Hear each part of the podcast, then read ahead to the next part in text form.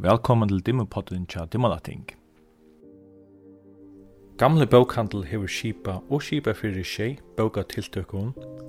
Her klassikar i hønsbókmentun er omrøder og flotter inn i nutøyar samfella. Til kvart tiltakje hava imus folk omrødt enn bók og evne som de vita selja nekvån. Hesver er at Theodor Edi Olsen, vi vitsi bókina til etska krave, vi bókaforlega i hemle hefur tjevi ut. Vi bøkene til etiska kreve, vidtjer hva er løgstrup, samvisna og moral, om man vi bare kunne leva, ta i okra liv er tvinna saman, vi livet til øre menneskjum. Vi tjeva Theodor Edi Olsen, åre. Jeg husker jeg byrja vi ein brått ur i første bøkene, så lest at at et hotak som jo hever en stor leiklod i bøkene, til etiska kreve, det er om alite, alite, alite, mittel mennesker. Og jeg til lese et brot av 16 og 16. Det høyrer manna løvno til er at vi vanliga møtast vi naturligen og alite kvør og ørum.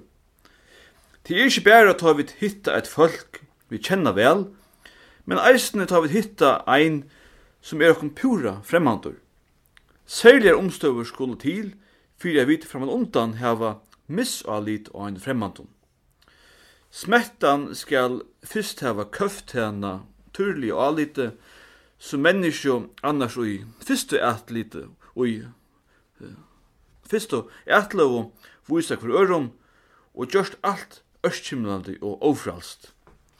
Krutsk skal være landnum etla menn som ute i huset lov og ratte skulle være kommet til valde, og i vanlige omstøvun her at måte luta vit at her som min fremmande sigur, og fer ikkje at ivast fyrir enn vi får særlig grunder til det. Framma undan halda vit omgantui at ei folk lujur. Det gjerra vit ikkje fyrir enn vit av tidsi han ui at likva.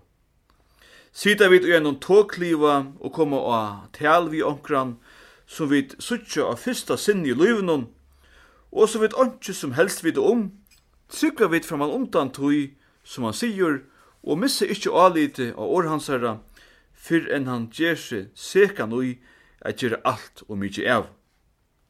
Vi halda heldur ikkje at eit folk er tjauur, hittar vi ta ui vanlige omstøvun. Ta skal fyrst bera seg illgrunna samt eit, fyrr enn vi mistankja ta.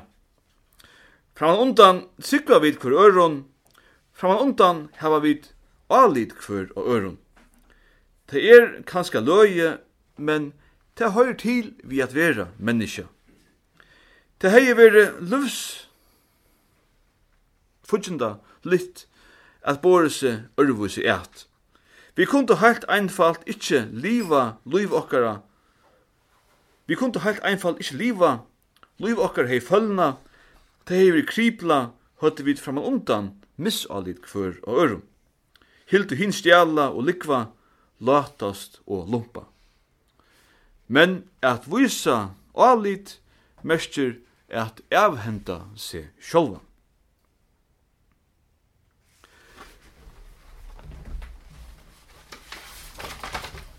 Så leis ljóra et brått i bókene til etiska kreve og en av vi velkommen til denne fyrlesteren om bókene til etiska kreve og eisne om høvundan Løgstrup som uh, ver rokna og som ein hin største norrlenske tontjaren i 20. öld. Fyrst er sinter stutt om høvundan. Knut Eiler Christian Løgstrup, han var føtter av Vesterbrygg i Kjeppanhavn i 1905. Papen var skrivstovmæver og eisne heilsulemæver, settene. Og mamman var utbyggvinn innan harrøkt i Amerikan og ræk eina vekurleika stov. Vi øren åren, det var støtt omkustene miskais og at vi sosiala samfellas tiknar stianon vi kås spekelige oppetter. Løgstrup tog stå den sprekk var metropolitanskolan om i Kjepanhavn og får sjøen av universitetet. Og sjálfur sier han at han får beinleis fra å spela vi tinsoldater og til å få oss vi teologi. Etter låsjeprekk får han og myndingarfer, ångsir dannelsesreise, så er etter til Tysklands og eisen til Strasbourg, og atter kom til Danmarskar fikk han embete som prester og fjone, her han virka fra 1936 til 1934, og til jo, hun sier, spennande år i danskar sjøvun. Her skriver han trutjar disputatser, men han fikk allar atur i høtte. Fjórufer etnaist av vi rikjerne den erkennelses teoretiske konflikt mellom den transcendental filosofiske idealisme og teologien. Det vil sija, vi er skiften mittel godfrøy og heimspetje. Etter hetta fekk han starv som professore i religionsfilosofi og i titje og lærte høgskolan i Aarhus, som han røkte fra 1934 til han var pensjonerer i 1944. Han døg i brottlige i 1941. Vi kan si han er ved samtidig med vårt, vi kan si William Heinesen, og jeg tog vært i omgang til møtte honom, men uh, de som hava møtt honom og kjent han sier at han var et dyr. Mølle har skriver einastan om han at og i undervisningen var han som et lamp, han var fytter og gav nesten ötlen ratt. I mån til omkring av hinnon, Aarhus teologene som kunne, kunne finne på å holde omkring av at han leser han det opp av paddelen om det bare spurte en spurning og, og sier kom til så underviser hvis du var bedre ned. Men så er det løk som ikke. Vi Bókene Den etiske fordring fra 1906, og 1956 så gjør det løgstrup av alvara kjentur. Ikke bare mittelen godfrøyngar, men eisne kjentur i europeiskare mentana sjøvu. Og bókene prentu oppa til flere ferir, eisne at de store europeiske tungumalen, og som vi skiljer så gongur han førske utgaven eisne rett vel. Løgstrup, han bytjer sjálvandi i sinne i filosof filosofisk hugsan at hey som unda jinko og i etiskar hugsan. Vi kunne til dømes nevna Immanuel Kant og Bentham og så framvegis. Tar kunne vi komme atter til. Eh, så å si all hoksanen tja Løgstrup er etisk. Og, og i boken hon til etiska krevet fra 6,5 Og eisne i bøysene normer og Spontaniteter fra 1922, greinar han til etiske dimensjonene og i tilværende.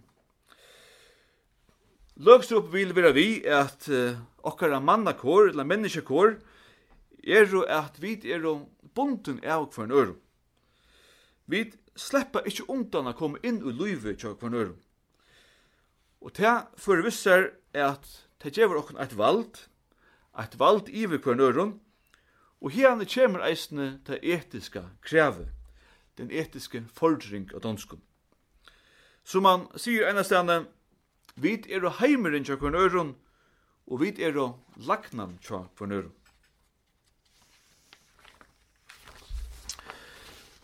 Det etiska krevet er ganske mest praktikalt um, og i uh, boven og Jesus sjálvun, som vera kalla i nastra kærlega bøyne, så standa tja Matteus, kapittel 19 og kapittel 22.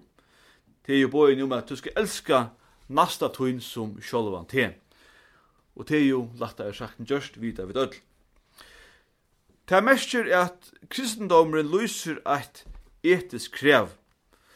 Men krevet nøytis ikke å være tolka religiøst eller atronalia, for å være satt sier Løgstrup. Og det er ganske eisen nok så snilt, til at lykka som Immanuel Kant, så veit Løgstrup sjående vel, at skal man ta som etikk og grunnkjøy for tikk, så nytter ikke å si at det er så lai bæret til Jesu på sida, man må lykka som eisen argumentera vitt og uh, bæri til akkurat vid og skil. Tui, det er så at vi etiskum bovun at uh, det kunne ikke sies tøtjelige etla konkret.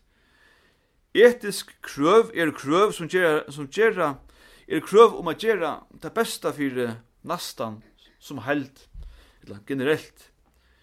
Vi kan ikke si at du skal være etiskur her og her og, og i ut i støvene. Det er velst om hvordan heila fetter ut.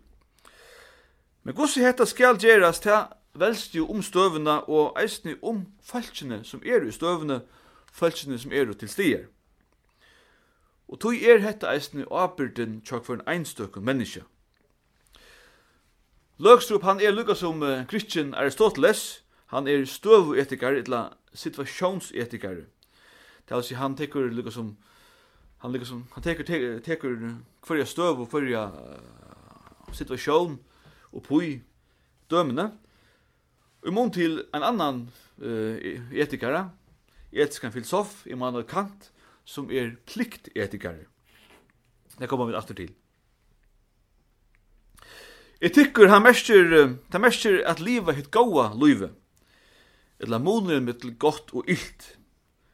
Og ta etikkerin krever det gaua av akkun, så kunne vi spyrja, ber så til a sia at det finnes nokkur positiv eller nokkur jævlig vire framan undan, som vi kunne bruka i ein kvarere støvu. Jo, sjåan det finnast og i öllum mentan og normar og avskriva regler som vi menneskje onkursvekkene hava i gasarein samtikt okkar middel. Men hesir normar kunne vi så grunda om ta i krevet kjemur til okkara.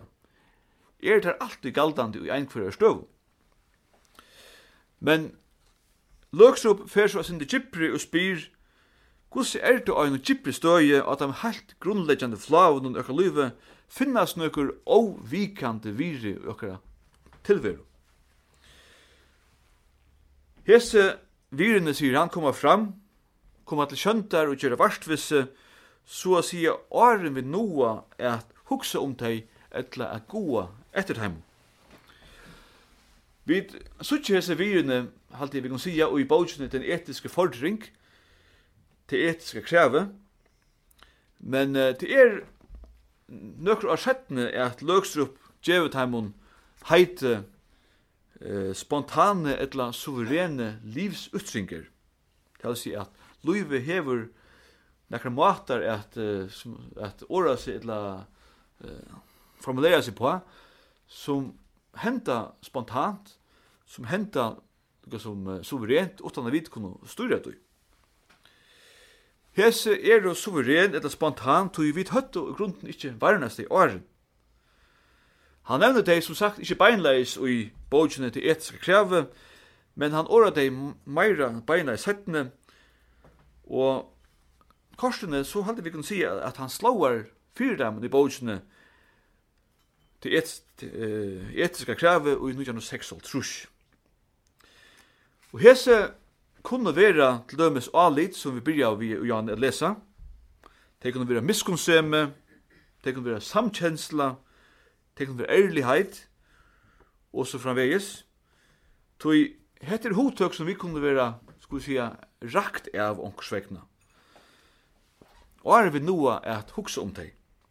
Så gjør vi onkran som kanska hever mist, onkran som hever mist en kæran, så kunne vi vise samkjenslo, tekka, kom taka sindu i Tí og tirsdagar som vi planleggja på forhånd. Til dømes er allit gott, og er vi noa i grunn til å hugsa eller meta om det. Til allit som vi låser gjerne til noe som fasthelter en dimensjon av samband mellom Miss allit hinvein til flyter folk fra grunnur. Allit til er spontant, Missalite, det kommer etter en tilvita, ja, en bevusta meting av støvene. At det fyrsta som er baden gjør til at det kommer heimen til jo at vanta seg mjölk, til ikke nekar som jeg fortalte det om terrokni vi, og at det fyrsta, kanskje vi råkna vi tar vi suttja en kæran er, nå hugsa vi, nå hugsa vi ikkje om uh, korona, men uh, Att det första vi kanske vant att göra det är att det tar i hand någon eller eller tänka ska göra en klem. Och det är kanske inte något vi huxar om var. Hur skulle han nu just här eller så där. Spyrja vi till dömes grannan tjokum to han så kan jag släppa lämna slime maskinen från här. Så kanske vant vi att han får se ja. Vi huxar kanske inte mer om det. Skulle jag sagt nej, så var det kanskje en, en årsøk til det. Kanskje at du sjølv er leie hina, slei meg kina tjån og fjøret til og luknande. Det er altså alltid godt, og er vi noe at møte om det, til alltid fasthelter sambandet mellom mennesker. Og alltid er spontant, og miss alltid kommer at nå. Vi hava alltid av fölkje, til vi ikke hava alltid av time og meira. Til okkara røynter hava givet, uh, hava givet orsøk til miss misalit. Og alit er så statt opprunalit, misalit er et uslit av baskun røyndun. Henda bókin eitur til etiska krevi, og hetta etiska krevi er, eisen som lukt upp til er et absolutt krev. Du kanst ikkje hava hava hold 30% av lite onkrum. Du kanst heldur ikkje elska onkran hold 30%. Hei onkur sværa vi altari at i lovi at elska og æra vi kommer til hold 30%, så Jeg er ikke visst at, at uh, Britleip hei kom i. Det er et anten etla. Og hette krev er, eisen som det stender i bøysene løks opp, det er et tiande krev, tog det årar ikkje nekrar konkretar eller nekrar utøkjelige regler fyrir hvordan dette skal gjerast. Det må vi møte om hver einstakkar støv. Eins og Immanuel Kant gjør det i 1600-tallet så bytjer Løgstrup sin etikk og grunnleggjande kår i okkara tilveru. Men Kant, han uh, var jo badna sin tøy, han uh, levde uh, i uh, uh, opplýsingartøyene, og kanskje året er mest, eller skriva er mest, at han har opplýsingartøyene, og tøy brukte han kinsemme, eller fornuftene, han brukte okkara logikk, og han brukte med anna, til som han kallar fyrir til kategoriska imperativet till en båsottor, en ofravudgelig båsottor, her vi kan säga nøkron av såleis, at du skal bæra det såleis er at tunger kunde blivi ein allment galdande lov. Du skal, du skal bæra det et såleis at tunger alltid kunde blivi ein allment galdande lov. Vi kunne takka døme. Sarst du ein person færa inn i et hus vi nekker fölkje, og hese personer ber våpen, Hvert er i så som politist og gjørst, om du visste at vi kom at det var vandamidgjel. Sambart kant, kanst du ikkje gjera nekka etla, du kan gussi ikkje teka du ekna våpen fram og sjåta, du så er det blivi ein allmenn galdande lov, så er det ötkona gjørst Og så måst du heldur leta vera. Etla vi kunne teka et annet døme, Så gjør vi en pakke av tidsgummi i en handle og hugsa som så. Kan jeg ikke bare teka handa pakkan her, til fyrir histen hentan kjøsten ikke heisen av. Så sier Kant, nei, det er til, til at hvis du skal gjøre det, så må öll andre folk til alle togjer være i eisen på gjøre. Og så fyrir hentan nyer kjøsten og heisen. Så, sambart Kant, så ber ikke til at gjøre snakk, utan det blir en allment galdande lov. Så er det er etikar er det spent ham som kom stort etterkant. Han uh, var ønsmauer, Jeremy Bentham. Han er ganske mer praktisk enn uh, tyskaren kant. Han var uh, gagns etikar, etla uh, nyttu etikar. Han hugsa meg om kvart nyttar, eller hva er til størst nytt og kvart er til størst gagn. Her er han, Ivalest, og du fyra dømen sagt, jo, er du politister, og du sørst ein vanda miklan person vi byssu fer inn i hus við nekkur folk så er det nok best at skjóta åren tog at så det er kanskje betri at ein personer er skotne beini enn at enn at 100 personer kanskje er i lusvanda inn i hus nå. Så her sier han at her må alle som politister mitt om hva friast er gjerra, hva er størst gagn og nytto. Løgstrup, han veler affæra en annan vi. Han uh, huksar ikkje sånn ekk om um, om plikterna, etla, etla nytt og gaggen. Han uh, bytjer hin vi meira, som sagt, og til spontana og til suverena. Etla vi ørn åren, han bytjer og til som ikkje er skapt av okkon, ikkje okkara fornuft, men han bytjer av til som han sier vær til åren okkon.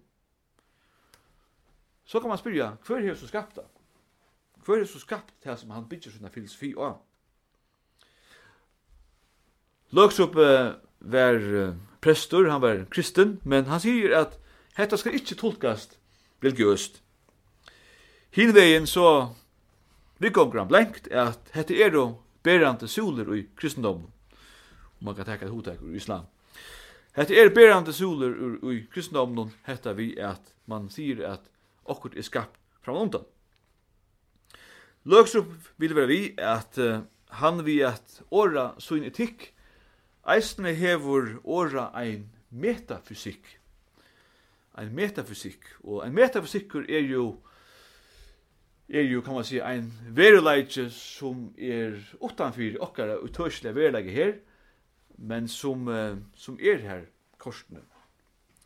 Det er ikke nekka som vi kunne teka ui, nekka som er utørsligt, men det er nekka som vi korsene kunne varnast er her. Det vil si at hette er nekka som er omanfyrir alla mentan, omanfyrir alla kulturella moner. Og jan, kan onkur så spyrja, ta okkur er spontant, kan det så ikkje vera mentan alliet treita?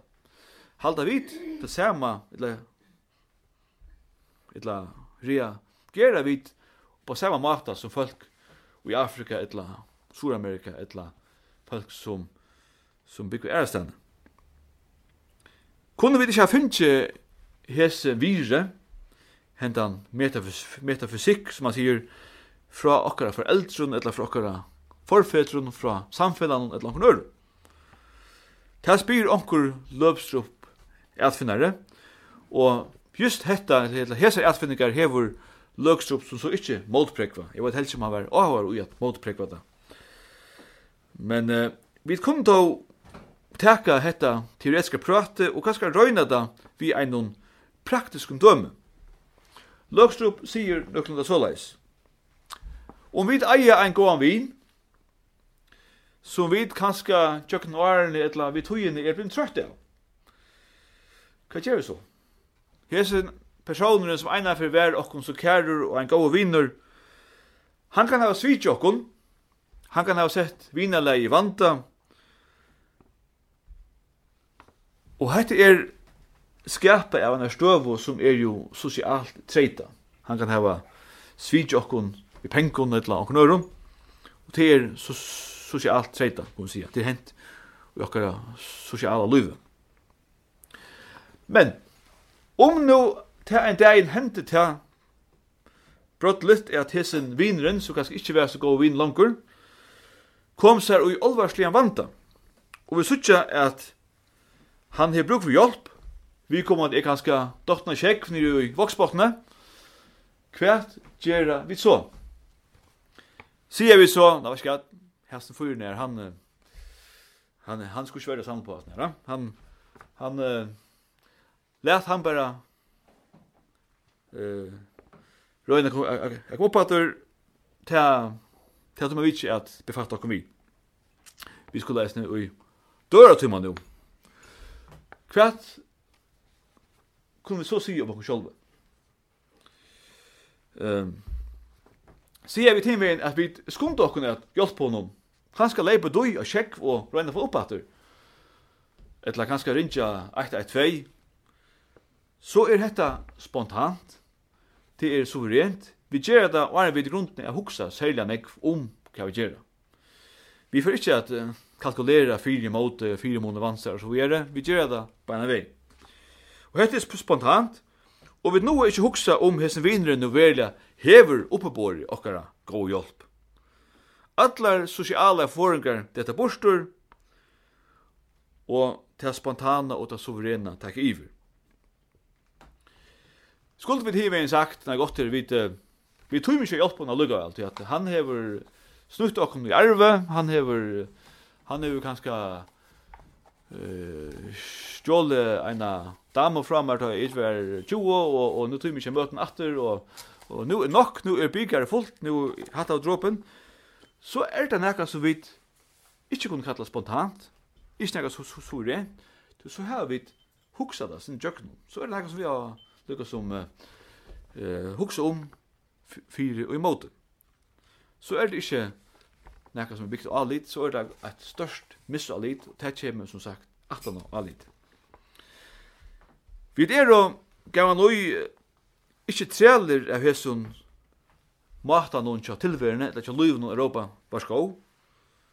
Vi kunne som sagt lete dette nærdur i voksbotten sikla som egna sjekv, men krev om et hjelpa kemur til okkur spontant.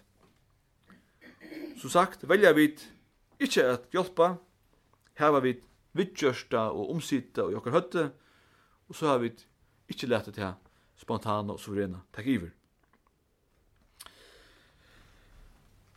Løgstrup, han arbeider som sagt metafysiskt, og vi at røyna at vise å hette at vi er lukka som underløgt nokkur ting som er større enn vit, og eisne var åren vit, så er ein setning til løk som eisne ofta er at Luive er større enn vit. Luive er større enn menneske. Jeg løy meg at uh, flyta meg at sinter bors ur disse bøkene, jeg håper det er leie, høyne, at uh, nevne et døme ur en ære bok som løks opp, som eiter uh, skapelse og til intet gørelse, som kom ut nokre av seinne. Og her minner han okkur nå at, at, at alt som er til, det hever grunnene vunnet seg fram omkursvekkene. Det har vært verandre enn tøy, og så enda da vi er færdast. Skapelse og tilintegørelse, skapan og tøyning kunne i det førskum. Men så sier han at, at egenleikjen etla valgte til å være til Det kvile alt i seg sjølv. Ta fest færst ikkje, og til er evigt. Tå sier han at treiten er at veran, til okkur til, veran og og letching er alltid bunden først at øren. Til dømes er gleden er ofta knutt av sorgene, dævren er knutt av nottene, og tilveran er rettelig at tvoi tutt. Men så er det nekka som man sier, og det er eisen nekka som man lukka som uh, analyserar vi okkur menneskjon, det er at menneskjon hever nekkar sanser. Og som man sier at sansener er nekka som skal fruja menneskja. Allheimren, etla universet, veren, sier han, er okker opprone, veren var til og er vit, men okkar evne at sansa verena, gjer at Menneskjan er ikkje langer innelast i sin kroppe, i sin likame, men menneskjan er i grunden sett og i fralse ur likamene. Sansande er vi til stier ute ute i åpne rundene, vi kunne hytje opp i himmelkvolvet, her vi kunne gå etter og, og ansa etter hva vi sutja. Og hetta kan menneskjan, eisne, hun kan sutja djår som er lengt bostur, hun kan sutja fuklar. Hon kan suttja en vita som lyser. Hon kan suttja stjøttene myndene og himmelkvolvene. Og Løgstrup, han er ofta en rettliga eh, polemiskur eller etfinnande imotur ein som kanskje er rettliga torfur at riste av seg til utan store heimspekingren Kirkegård. Og Kirkegård vil være vi at menneskjan er sånn innrattet at menneskjan reist tomleika Menneskjan reist tomleika, sier Kirchegård. Det er Løkstrup ikke helt samt vi. Han sier at hinvegin så er det såleis at menneskjan vil alltid avvirka av sansen. Og det er mest at menneskjan kan mestja nærverina til allheimen. Og det er godt, sier Løkstrup. Etla sagt og en annan hot, er det tungt i hoa, er det deprimera, det kan seg størst å bruka, men er det tungt i hoa, er det kjett, så fer det en tur, og merke allheimen og vil glede, sier han. Til menneskene er bunden av livet og i tog rommet, lukka som kant vil det være vi, men, sier Løksrup, vi kjenner bare togene fra okkar i måte togene. Menneskene gjør omkorsvekkene en opprøstre i måte togene. Måter tar i øyelegging som tøyen at enda veru fyrir okkum. Det vil si, vi tilakka som vi røyna at noa, som ekki kunna, sjálft om vi vita at, at uh, til 20 og sust, verda nok tøyen som fyrir vinna og okkom. Uh, Jøtadomur og kristendomur, Sama tvinna og hentat hot uh, skapan og øying, altså vi, uh, vi vita, illa kristendomren og jødadomen påstande at menneskene er skapt, og at heimen er skaptur, og at han einafer skal genge under, og at menneskene eisen skal einafer djeva skarven iver og ætlefun Så leis er tan griska tankagången ikkje. Grisk heimspekje, så å sija, går ikkje etter at øying og tøying og tøyning er nekka som vi direkte av. Hon hugsa ikkje så nekka om tøya, brinnar tonn. Men som Løksom sier, så er så er veren rundt om okkon er ikkje eit lykleie, veren er ikkje ein lykverja. Tog sier han, om vi ganger ut fra tog at heimeren er skaptur, at eina fyrir er blind til, så er eisen neiut at gjøre opp vi det som man kallar for subjektivisman, som sier at alle liter i heimenon er bare nekka som er tidlig i okkar høtte. At grunnene er jo, er ikke sånn ek tidlig i verene, alt det som, som vi suttje og høyre og fæta, det er bare nekka som er tidlig i okkar høtte.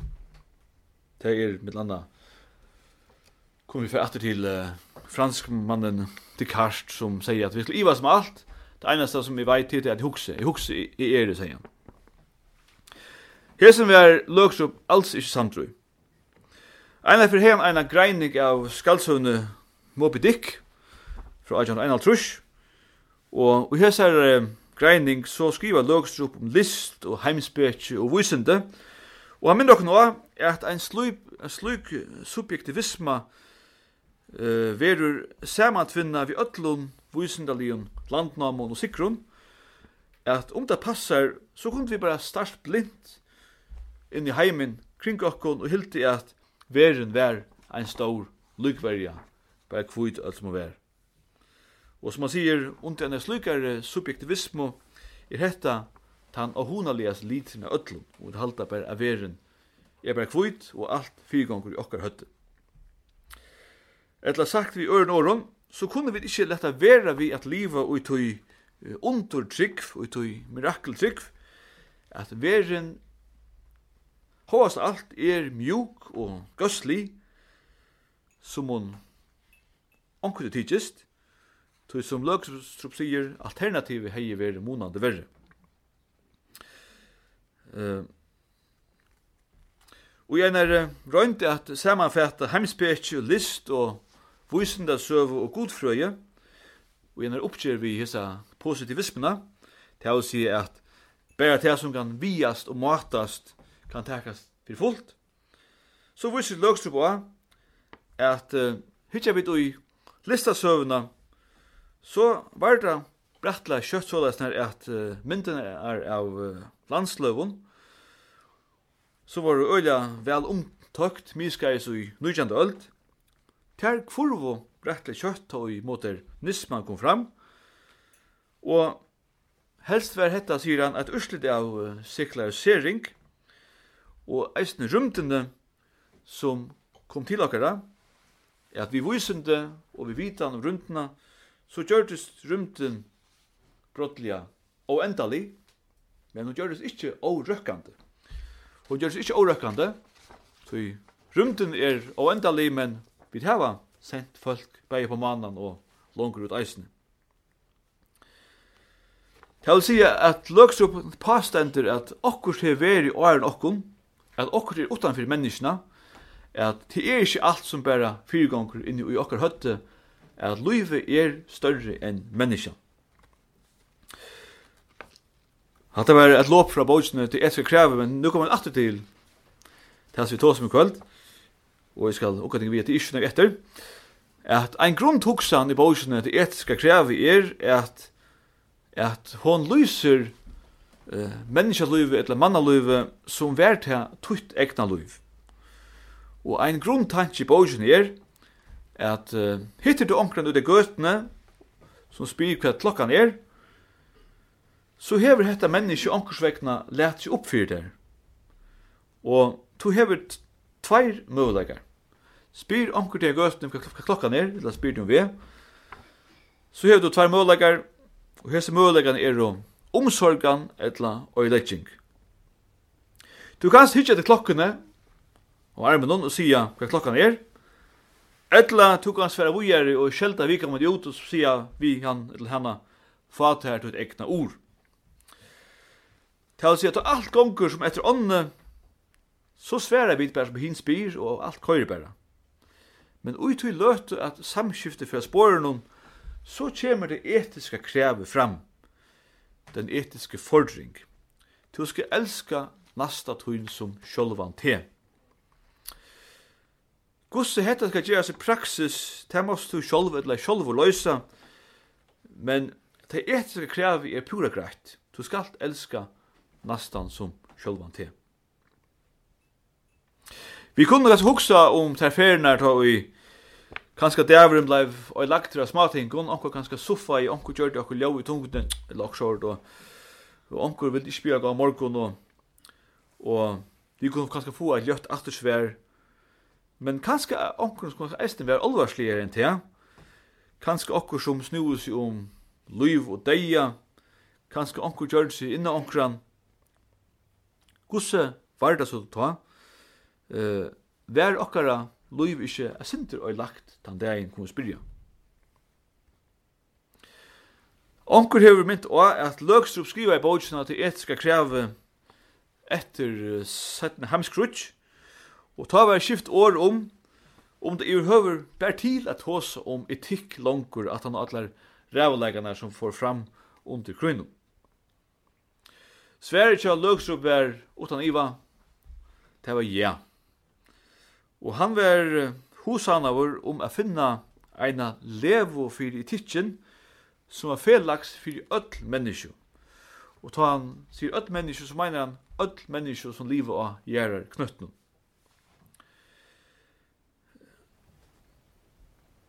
Og ta fann han ikkje vi at byrja ur erva, vi at færa upp til eh, vår herra, men han gjør det vi at byrja ur nekra, vi virskiften mittel menneske. Tog som han sier at Løyve er skapt såleis at til tjond og sørst vera folk vurst attur til god, meinte Løgstrup. Hva mener han så vidt her? Jo, langt fra byrjan så erkjente til hugsanar til Løgstrup at han ville gjøre eh, kristendomen skilligan for folk. Eisne for folk som som ikkje åtte en kristna tryggvedla, ikkje søtte seg, eh, bekjenna seg som kristne folk. Det var i grunden ikke så viktig. Og Jesus samband med vi. Så eh, som han sier at innihalt i åren til Jesus, etikaren og Jesus, åtte er være fæta eller skilt av ødlom. Og det etiska krevet i bogsne, det etiska krevet, er så stått ein åring av tamma kristne bogen om, etla tamma kristne bogen om, vi allment menneskaslig treitum. Det vil si, hette treitur som, som er galdan fyrir öll menneskjo og gjerra knøftnum til allar tøyer. Og det er jo rettelig ambisjøst, må sige. Ein av taimon som hefur skriva nekum hetta og som eisen hever en meining om hessa bókina til eska kreve, og som eisen sier at henne bókin absolutt enn hever tuttning, er Sven Andersen, professor i etikki og religionsfilosofi i Aarhus. Han minner også at uh, nekvi sjående brøtt siden 50-årene, da bókin kom ut. Men han vil være vi at om vi slipper tankene om et felags grunderlega for menneskene, så verur etikkeren treitavur av mentanon og mentanar normon, og så sier han at så enda vi i pluralismo etla relativismo. Og det heldur han ikkje er etiskt forsvarligt. Han minner også at okkara tui er sjående nek mest av individualismo, onkur som sier til at eit ikke 1. mai, nå etter mai først, men, men um, det at heimen blir så, så individuell, det, det er, uh, eh ta minner dere eisen i at uh, hentan bogen er, er en avmenning om, at det er lagt bra, at det er en illusion å halda at, at menneskjan er en avbyrdur skapningur. Han sier det at menneskjan, som løksopp sier, finnes alltid i relationer. Og hesar relationer hava vi makt etla vald a gjera. Og det er jo det er jo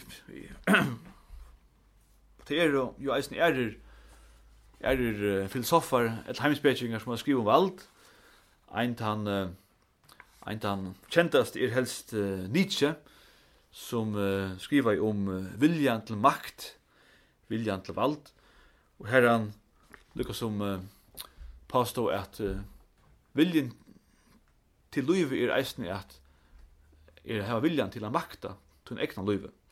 Tyverre bleiv uh, Nietzsche nek misbruktur av na syster noen. Syster Friedrich Nietzsche, Elisabeth Nietzsche var vel vi nekvar og i Hitler styrnon, og ta sikst at har funnet nek handrit tja Nietzsche fram, og lukka som uh, strika oss inte ut hända min handa vägen så att att det missbrukt. Men men viljen till makt är ett rättliga grundläggande hotek i filosofin som Nietzsche kom vi och som är rocknar vi är att att Lögstrup bygger vi är på. Och som man säger att att alla relationer mellan folk är och valds relationer. Vi kommer att välja om vi kommer av en gåan år eller en ringon år og vi kommer en oppbyggjende året etla, etla til negativa.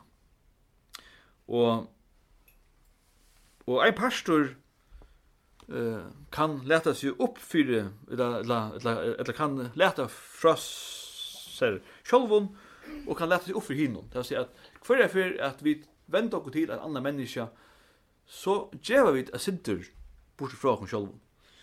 Vi kunne ganske spyrja en spurning, og jeg kan si at nu spyrja en bostans spurning, så har vi langt kunnet avtøkka sindra om sjolvun at, at jeg vet ikke at sindra her, men og jeg kan lukka som sier at sindra om hver i er.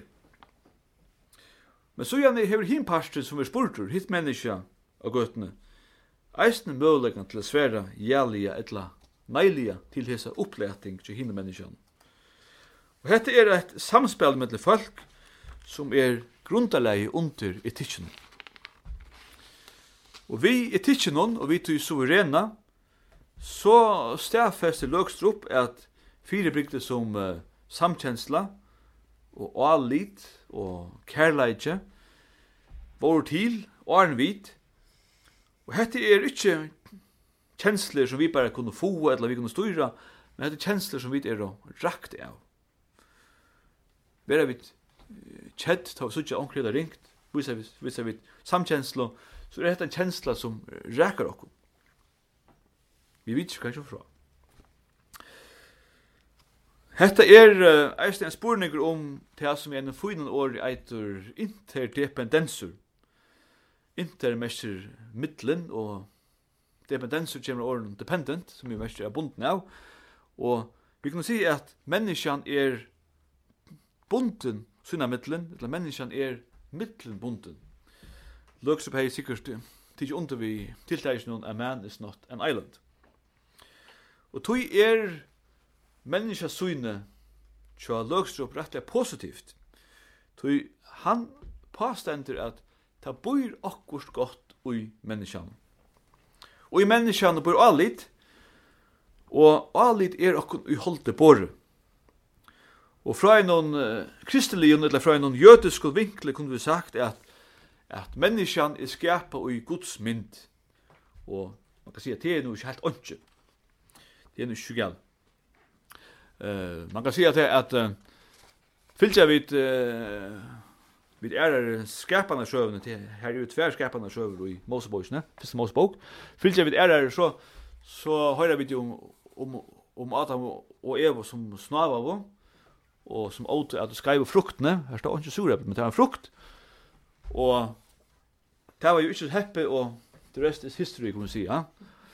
Men uh, här är lök som sagt, ja, men kvärt händs i åren. Kvärt händs i åren av Adam og Eva. Eva. Uh, Åt ervis Evis fruktne til at, uh, til at her hent i också åren. og det var det at menneskene var skapet Guds mynd. Och det var et rättligt uh, gott bilat eller en god fyrmynd kan man si. Uh, och i hemsprejsene, og eisne i godfrøyene, ber en spurningur ofta setter som eitur teodicé-spurningren. Teo er mestir god, og dicé mestir rattvise, og ta spurningren kan ut på hvor er ta unda til om god i til. Henda spurningren setti ein heimspeging som er at Leibniz i 1600 og minns ikke årstalpa nu, men, men ta spurningren er omgad i rettelig sværar. Jeg vant ikke, han vil svære, men det skal ikke, man skal aldri si alt som. Men uh, Løgstrup åra i øvatan spurning på TOTC-sporningen.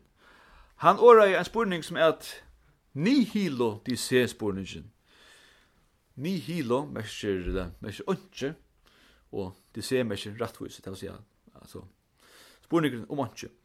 Og til er kan man si at ångsvekna, hese spurningen er en verja for ønskesleikene. Og han spyr, hvordan spyr det til at onches leikin alltid vir ivervunnen.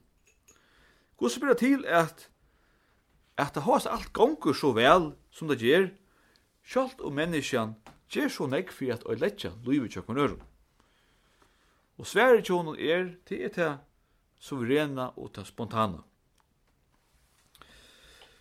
Nu har vi løft meg tåsa negg om uh, tar spontano og suvereno livsuttryggene som det eitra danskon.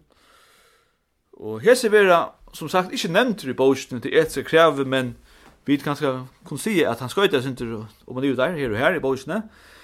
Men uh, hese vera, første fyr nevnt vi heiti eller vi navne, og i bostene oppgjer, oppgjer vi kyrkegård, oppgjer med kyrkegård, fra 1908 trus. Og det er ganske eisne høskande året kjer oppreistru i 1908 trus.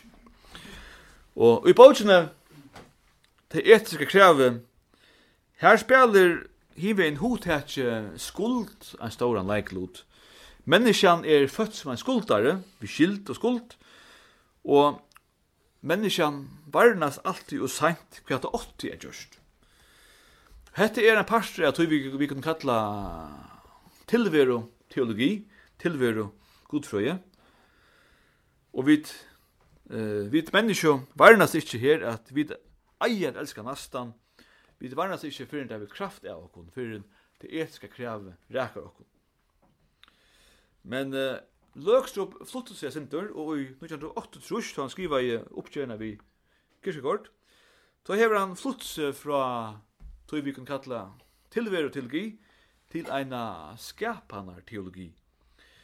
Og månen er han er at uh, skapanar teologi teologien viser ein samanheng i mittlen Guds vidskiftene og vidskiftene vi livet med held.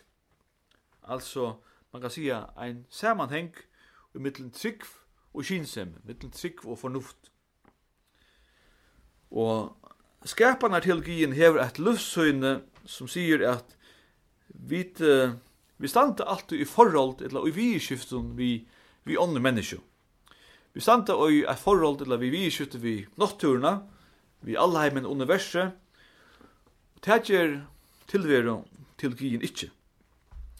Stort sagt, er ta tjokken gengande tja løgstrup, at Løyve er alltid større enn menneska. Til bare sige at Løgstrup arbeidde vi tveimus løvene av tikkje, det som vi kallar etno etikker og nastra kærleika etikkur. Og i bavun førun er menneskjan, eller menneskene, tatt knutt av kvarnør. Menneskjan er mittlen bunden, hun er bunden sinna mittlen, hun er interdependent. Nastra kærleika tikkur sier at vi er bunden sånn av kvarnøren at til ønsken palli alene verden, ønsken poll pur ensamatler, klara seg og hese ver. Onkurs vekna er við alt og meir la minne bunten onkurs vekna er ein øre menneske. Og som uh, Høgni Eisen sier i byrjanne, så er myndamali og i bókene til etiske kravet til at du heldur alltid ein øre menneske i lekvanum, og i tunni hånd. Du hever alltid anna menneske i lekvanum. Og hette er nekka som vi er brukt innanfyr nek fag og ikke vi gudum med annan, annan nevnt sjukra, brukt er frøyngar andre som lesa nek løkst opp, at, at luive er give, luive er en gava, og hese gava skal du ansa etter. Uh, Etno tikkeren hivein, han er ofta bygtur av målsetningar luive som uh, om at uh, sammainis er målsetningarna, så nærst du etnene, eller lukkene meira. Til dømes klarer du at uh, sammeina arbeid, frutøy, lufskøsko og kjensler og vid og kil, og så framvegis, så hever du større chans for at du oppnå uh, det gav livet. Så man omtidkje alltid, det må sigast at det er et, uh, et, uh, mentan et mentanarit land nå, Eilif Samuelsen har gjørst, då han er ferdig holdt vi tøya den etiske fordring. Det føreska målet er mengan uh, konkret eller utøkjeligt, og vi har ikkje nekra, eller ja, luttla tradisjon i forrjun for at skriva tekster om heimsbøkje eller om godfrøye. Det er eit, eit, det er eit, eit, eit, eit maløkje, så å sija, som Eilif styr av, Men uh, Mali er som kærleikin. Tess betur det har vi røkta og tess meira det har vi brukt, jo større verda. Og tog er det godt at man nu fer i holdt vi hetta, halde igjen. Dangst er eisne eit navnår av mal. Dangst brukar nek navnår. Men førest brukar nek saknor. Tess er meira saknor av mal. Og tog er det kanskje ikke så lagt at omsetta eh, Hesa bókjent førest, eh, fenomen og logi blir med anna fire brukta frøy og så framvis. Så jag ofta när är då hes ordne brukt som navnor tar vi ganska hött och sagt och förskon och i sagt några former. Men eile fall er offerer og til fullt bordet han det finnes finnes virsløn for sitt tøyere arbeid hadde jeg.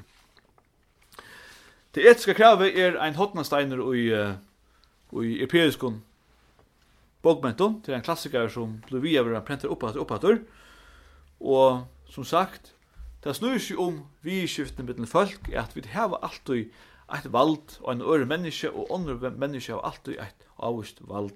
Og okkon, vi har alltid, uh, vi har alltid et annet menneske i lekvannen. Og jeg ætla enda med en bråte, som jeg lyser nok så vel. Det er uh, et bråt som er å finne oss i 35, 35 og 36.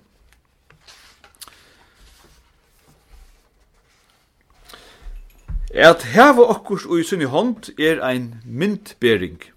Ui vanligare malnuslo djeva vit, orsaka, ui vanligare malnuslo nøyta vit hana til a vysa til lutfaslige rar og støvuna her alt er å dante fjölne. Støvan er sveimande, hun kan danta til æra etla æra sujuna og få henta etla hanta enda. Heratra kjemur at öll tingten i støvne er savna tja til einstaka. Ta stendur til hansara at djeva støvne sunna vent, og gjør av kusse enten verur. Og tui fyrir eisni alt det som henter, etla ikkje henter, at vera først aftur til hansara som avlægingar av, hvat han nu gjer, etla letur vera at gjerra. At nu til hesa myndberingsna som her er gjørst til å tale om at her var luive tjønn øre menneske og i sunni hånd, gjer henne til ena malisko av einar avvisare kjensluligere kraft. Tan kjenslulige tøtningur i maliskene stava fra målsetningen og i tamavirskiftene som han leter en skilja. At hvert ustendur til ein at venta, er okkurs løyvenon kjønne øren menneska, annak først hannu er et hula, etla uitui, vugongta førenon, öll lagnan tjatui. Så rymelig til just er, at vi tar vald av lutun og djorun, og så rymelig til er at varvaita, at varmen rattarins, hava finnst lagt upp i hendur at avvist av lovene allust vald og øre menneskjon, fyrir at vera tria mann, fyrir at verja tria mann fyrir harska betarra. Lykka så og rymlet er til at anna menneska og halt beinleis hot hever vald og hinul menneskjanon. Tu det er kvarski let nøkron etla allust etter galdande lovun og verjir heldur ikkje tria mann. Måsetningen ligger ui at kvørst menneska er ein sjálvstøvur og ábyrgur einstaklingur. Og at vi sleppa ikkje undan at okkur nøytist hver annan, så okkara suina mittel viðskifte beinleis er og valdsviðskifte, anna kvørst tænu er hulei tja hinun etla lagnan som er ui okkara valde. Ja, tui grunnleggjande treitene og beinleis valdenun spretti krevi om at ansa etter, etter tui parstnun av luvinun og hinnon som er treitaver av einun og som ein hevur i sinne valde. Jeg tui at korstene ut fra tui sama krævunun er utelokka at det at ansa etter nekran tui kan snikra seg om at teka sjåldreie fra hinun fyrir hans herra egnu skuld. Abyrdin for hinnon kan omgant tui snikra seg om at teka av seg hansara egnu avbyrd. Vi talte altså alltid løyvnun tjøynun nastu i okkar håndun, hava valda kon øron, og andre hava valda okkun. Vi er som fyrir takka fyrir. Tjus vel.